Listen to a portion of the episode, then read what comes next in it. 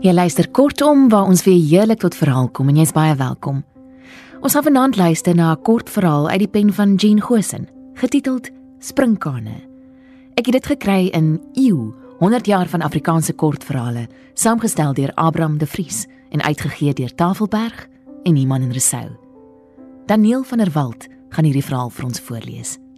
Lekker luister.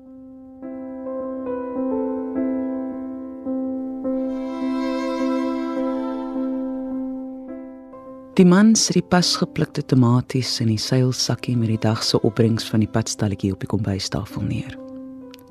Die sinkhuis ruik na vuur en klam sak. Hy stap na sy vrou wat met haar rug na hom voor die stoof staan en sit sy hande op haar heupe. Jy is die mooiste vrou wat ooit gemaak is, sê hy. Sy druk haar kop en rug speel teen hom. En as jy 80 is, sal jy steeds die mooiste vrou in die wêreld wees. Die vrou draai om, deins effens terug en kyk onseker na hom. Soms maak jy my bang, sê sy. Hy sit sy arms om haar, hou haar styf teen hom vas. Sst, sê hy. Hy druk sy gesig in haar hare en kom agter dat hy huil liefde is waansin. Sedert hy vir haar lief geword het, het al sy bedrywighede nutteloos geword. As ek haar verloor, bly daar niks oor nie. Hoe sal ek voortgaan? Die vrou druk hom sag weg. Die man word dom. Hy gaan staan in die deur. In die verte word dit brons. Die landskap los op in die mis. Die aand kom af, die dag is verby. Dit glim soos 'n leë bord. Dis dit praat dat jy jouself verraai. Jy jouself uitlewer. Die vrou begin die tafel dek. Haar gesig is geslote. Die man draai om, kyk na sy vrou. Hy kyk alles in die vertrek. Die stoele, die stoof en die vuurherd, die tafel, die kas met die borde en eetgerei die bak vrugte. Hy leer hulle besittings van vooraf ken, ook die vensterbank waar sy vrou haar bodierwerk neergesit het. Die vrou stap deur toe, dwing hom sagkens weg. Sy roep met 'n helder stem in die skemer: "Adam! Adam, etenstyd, kom my liefdier." Hulle seun kom die vertrek binne, Hy hardloop na sy ma, sy lig hom op, hou hom teen haar vas. Hulle lag en hy liefkoes haar borste met sy taai hande. Die man steek 'n lamp op. Hulle sit aan vir ete. Die man sny Adam se vleis in klein stukkies. Die seun eet traag, speel met sy vurk in die kos. Dit begin reën. Buite word die bloekoms swart stokke. Dit leef ster in 'n blink raam van mis en reën. Die motors brom op die hoofpad. 'n Hond blaf. Die nag vou oop soos 'n waier. Die maan kom op. Dit is blink geskrop. Die grasperk lê gebaai in die flou lig. Die man span hom in, probeer doodgewoon klink, sluk Die tomaties lyk mooi. Hy vertel haar nie van die springkane nie. Die vrou kyk afwesig na hom, knik. Ons het goed gedoen vandag vir die stalletjie. Hy neem haar hande oor die tafel. Jy moet die geld neem vir jou iets moois, iets spesiaals daarmee koop. Asseblief. Hy pleit byna. Ek het voorsorg getref. Vandag se opbrengs is suiwer wins. Dis joune. Hy bedei na die seilsak met die dag se geld op die kombuiskas. Wanneer 'n mens liefhet, word beloftes byna 'n fisieke noodsaaklikheid. Jy weet jy kan hulle nie vervul nie, maar jy hou aan, aangevuur deur die een of ander gene. 'n Ring miskien, my lief. Die vrou se oë word wasig. Het sy die versinsel wat hy is lief? Of bejammer sy hom? Die man dek af en begin die skottelgoed was. Die vrou skrop Adam in 'n sinkbadjie voor die stoof. Sy praat snoesige baba taal met hom. Hulle speel 'n speletjie, spat die vloer nat. Dit maak nie saak nie, dink die man en lag terwyl hy 'n bord afdroog. Ek het my kortate seentjie lief. Sonder hom sou my vrou met die skene heupe en sonder hoop wees. Die vrou droog die seentjie af, trek sy nagklere aan. Hy gaan sit op die man se skoot en lê met sy kop teen sy bors. Die seun is op een smoeg, sy gevaak aan sy duim.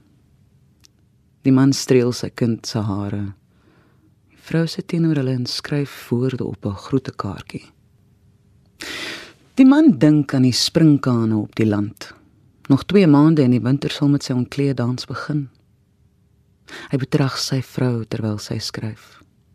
Sy is abstrakt sy is 'n ander persepsie. Sy vra niks en sy gee niks. Hy het op 'n trein ontmoet. Hulle was alleen op die trein. Hy het die hele tyd na gekyk en opeens geweet dat hulle in hierdie lewe onafwendbaar na mekaar sal wees. Eintlik was daar niks buitengewoons in haar nie en tog het hy haar gevra om saam met hom huis toe te kom. Daardie nag het hy haar hierheen gebring. Na sy sinkhuis onder die bloekombome dig by die nasionale pad. Hy het vir haar ete voorberei en terwyl sy eet, het hy haar noukeurig bestudeer. Daar was werklik niks besonders aan haar nie. In die nag het hy aan die sagte weefsel van haar skouergewrig gedruk en sy het oopgeblaai soos 'n boek. Hy het aan haar regter oog gesuig en sy het begin raas soos 'n droë bos. Toe hy met sy duime en voorvingers aan haar enkels raak, het die dans van haar onderlyf begin. Hy het haar soos 'n laken in drie gevou en haar weer metodies oopgemaak. Die nag het wyd geword. Sy het na rivierwater en klip geryk, 'n weekdier geskoei op gom en weefsel en met sy tong het hy die sleepsel tussen spons en red gevolg. Sy tong was 'n magnifieke orgaan, 'n opgeleide soldaat ingestel op verowering. Dit het geneig na die gevoeligheid van die vrou wat hy skielik geweet het hy bemin. Hy het haar met lang hale begin lek en met sy tong het hy haar geformuleer. Teoreties was sy ongeldig. Die wind het gewaai, die blare hoog bo kan die grond gelig en oor die dak geskuur. Die nag het gegloei. Swart takke van die bloekoms het geskeur en na onder gestort. Die reisende blare was note op 'n fluit. Dit is in 'n kromatiese volgorde af in 'n kolk ingesuig. Sê my, het die man wanhoop gevra, hoe moet ek my lewe verander om 'n perfeksionis te word? Die vrou het voor hom gaan sit, sy het uitwindig begin lag. Jy het 'n onweerstaanbare logika. Sy het aangebly daarna, asof sy 'n leeftyd lank hier hoort, deel was van die klein hoewe. 'n Lewe van beskeie groentetuine, bokke, koei, honde, 'n kat en 'n paar hoenders en 'n miniatuur vrugteboer dig by die hoofpad. Jy is die enigste mens wat my kan lief hê. Met sy dikwels in daardie vroeë dae gesê. In die winter van daardie jaar het sy 'n seun gebaar, 'n taai baba met 'n welige bos hare. Toe dit tyd geword het, het die man haar sy hande gegee om aan te byt teen die pyn. Adam het soos 'n kurktrekker deur haar skere gebeur en die vrou het die nag vol geskree. Maar dit was vreugdekrete en dit het hom uitgesluit. Nou plak sy die koevert toe, sit 'n seël daarop Sy neem die slapende kind uit die man se arms. Die kind word wakker en word bly as hy sy ma sien. In die binnehuis sing sy vir hom 'n lied en die man luister na die vreemde woorde. Hy haal 'n oefenboek uit die kombuiskas se laai, maak dit op 'n skoon bladsy oop en skryf die datum bo aan. Hy teken sy verwagtinge ten opsigte van die tomatieoes aan. In die kantlyn skryf hy die dag se opbrengs van die groentestalletjie neer. Elke aand wanneer hy stil word, maak hy aantekeninge. Hy doen dit pligsgetrou soos 'n verantwoordelike landbouer sodat hy kan weet, wyser kan word. Oorlewing is immer strategie. Beredeneerde saamleef met die natuur. Alleen so deur waarneming en absorbering word jy dinge wys. Leer jy uit kultivars en foute. Alles is produkte van wins en verlies, ook die papier waarop hy skryf. Die man maak somme, maak 'n gevolgtrekking wat op veronderstellings berus en trek dan 'n streep. Onder die streep skryf hy: Springkane. Vir 17 jaar woeker springkane ondergronds voordat hulle hul verskyning maak. Die grond word te warm en hulle kom uit om koelte onder die blare te soek. Die sikades neem die leiding en ontstel die wêreld met vryheidsliedere. Die mense word bang en bel die koerante. Die voetgangers kom in opstand, ontwikkel spiere en begin glinster. Hulle woede is sonder perke, ook hulle honger. Hulle oornag in bosse en vreet van plant tot plant, van platteland tot stad. Die springkaan ontdek sy seksorgaan, verborge binne in die kinderlike skil van die verlede. Hy begin ry op gras en blare. Die insypeling kom in volle gang. Die bloed is groen en kil en koud en dit ken geen genade nie. Dit het 18 monddele en oë oral. Dood beteken niks. Dit gebeur helder oordag en dit maak geen geheim daarvan nie. Die man skryf Hitler het by insekte geleer. Ook mense volg die pad van insekte. Wat die samelewing bied, het ondraaglik geword. Om dit sonder opstand te aanvaar is om deur 'n betekenislose wêreld beledig te word. Die man kyk op. Sy vrou staan in die deur. Hy weet nie hoe lank al nie. Sy frons. Wie het jou kwaad gemaak, vra hy. Openbaring se sewe koppe gedraak, korsvol sy. sy lag skielik en die man voel opeens uitbundig bly. Sy kom sit by hom by die kombuistafel. "Skryf jy alweer in daardie boek?" vra sy. "Hoe anders ek moet boek hou?" sy lag weer. "Dit kan ek nog begryp, maar so slaafs." Is 'n gedragspatroon by jou. Die man maak die boek toe, hy lyk skuldig soos iemand wat betrap is. Die vrou staan op. Hy wil hê sy moet by hom bly sit, met hom praat. Sy is reeds teruggetrek in haar eie wêreld. As hy hom so los, voel hy verwerp, nutteloos en buite alles. Dit is 'n dowwe ontsteltenis buite sy liefde vir haar bestaan die lewe nie. As hy weg is, bly daar niks oor nie. Haar introspektiewe lewe hou vir hom gevaar in. Liefde is nie logies nie, dink hy. Dit is siekte. Dit word vir hom noodsaaklik om haar hier by hom te hou. Al is dit net vir 'n rukkie nog. Om dinge aan te teken is 'n vorm van selfverdediging, probeer hy sy kyk goedig na hom. jy moet opgesluit word. Skryf is 'n soort voorbeeldige illustrasie van leuns, sê hy en hy weet nie hoe om dit te motiveer nie. Sy luister nie meer nie, stap na hulle kamer toe. Hy volg haar.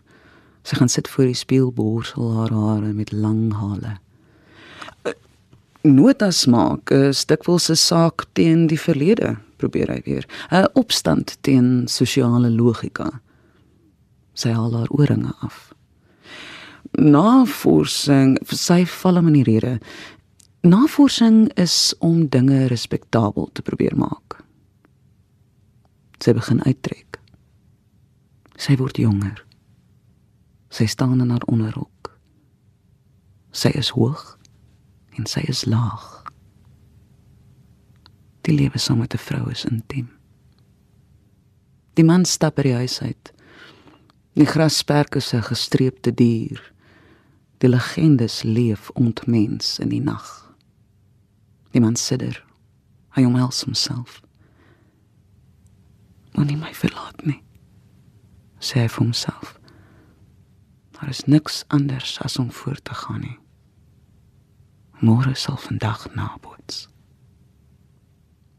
Hy stap terug na ons slaapkamer toe. Die vrou slaap reeds. Hy sien die afgetrapte sole van haar skoene langs die bed, ook die skeur aan een van die kante. Hy tel dit op en gaan sit in die kombuis daarmee. Hy kry die toerusting, die skerp en die krom skêr, die seilgare en die geboue naald. Hy begin die skoene heel maak. Hy bou die afgetrapte sole op met rubbergom. Die man besluit om aan die stelsel te probeer ontsnap is om uiting te gee aan eksistensiële angs en doodsbegeertes. Maar hoe voel ek daaroor? Stil. Afgryslik stil. Koud en bruin en blou. Die sinkhuis haal asem in die nag. Môre is Saterdag. Ek sal vandag se geld gebruik om my seun sirkus toe te neem, besluit die man. Hy stap met die skoene na binne en gaan sit dit voor die bed neer. Die vrou is wakker en sy kyk na hom. Sy is ontstellend mooi. En sy hou haar arms uit.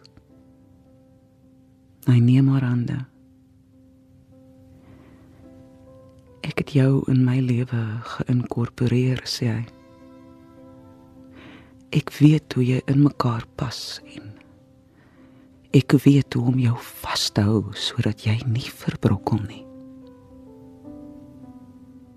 Die man sien die stelte wat hy vir sy seun aan mekaar getimmer het vir later wanneer hy groter en sterker is en wat teen die muur staan gemaak is. Hy neem dit. Voor die agterdeur klim hy daarop en begin hemelhoog deur die landskap reis. Hy dring die wêreld van mense na buite. En die bronsvertes is 'n diep glooiing asof die wêreld aanvanklik in blou gebeur het. In die bosse oornag die sprinkane.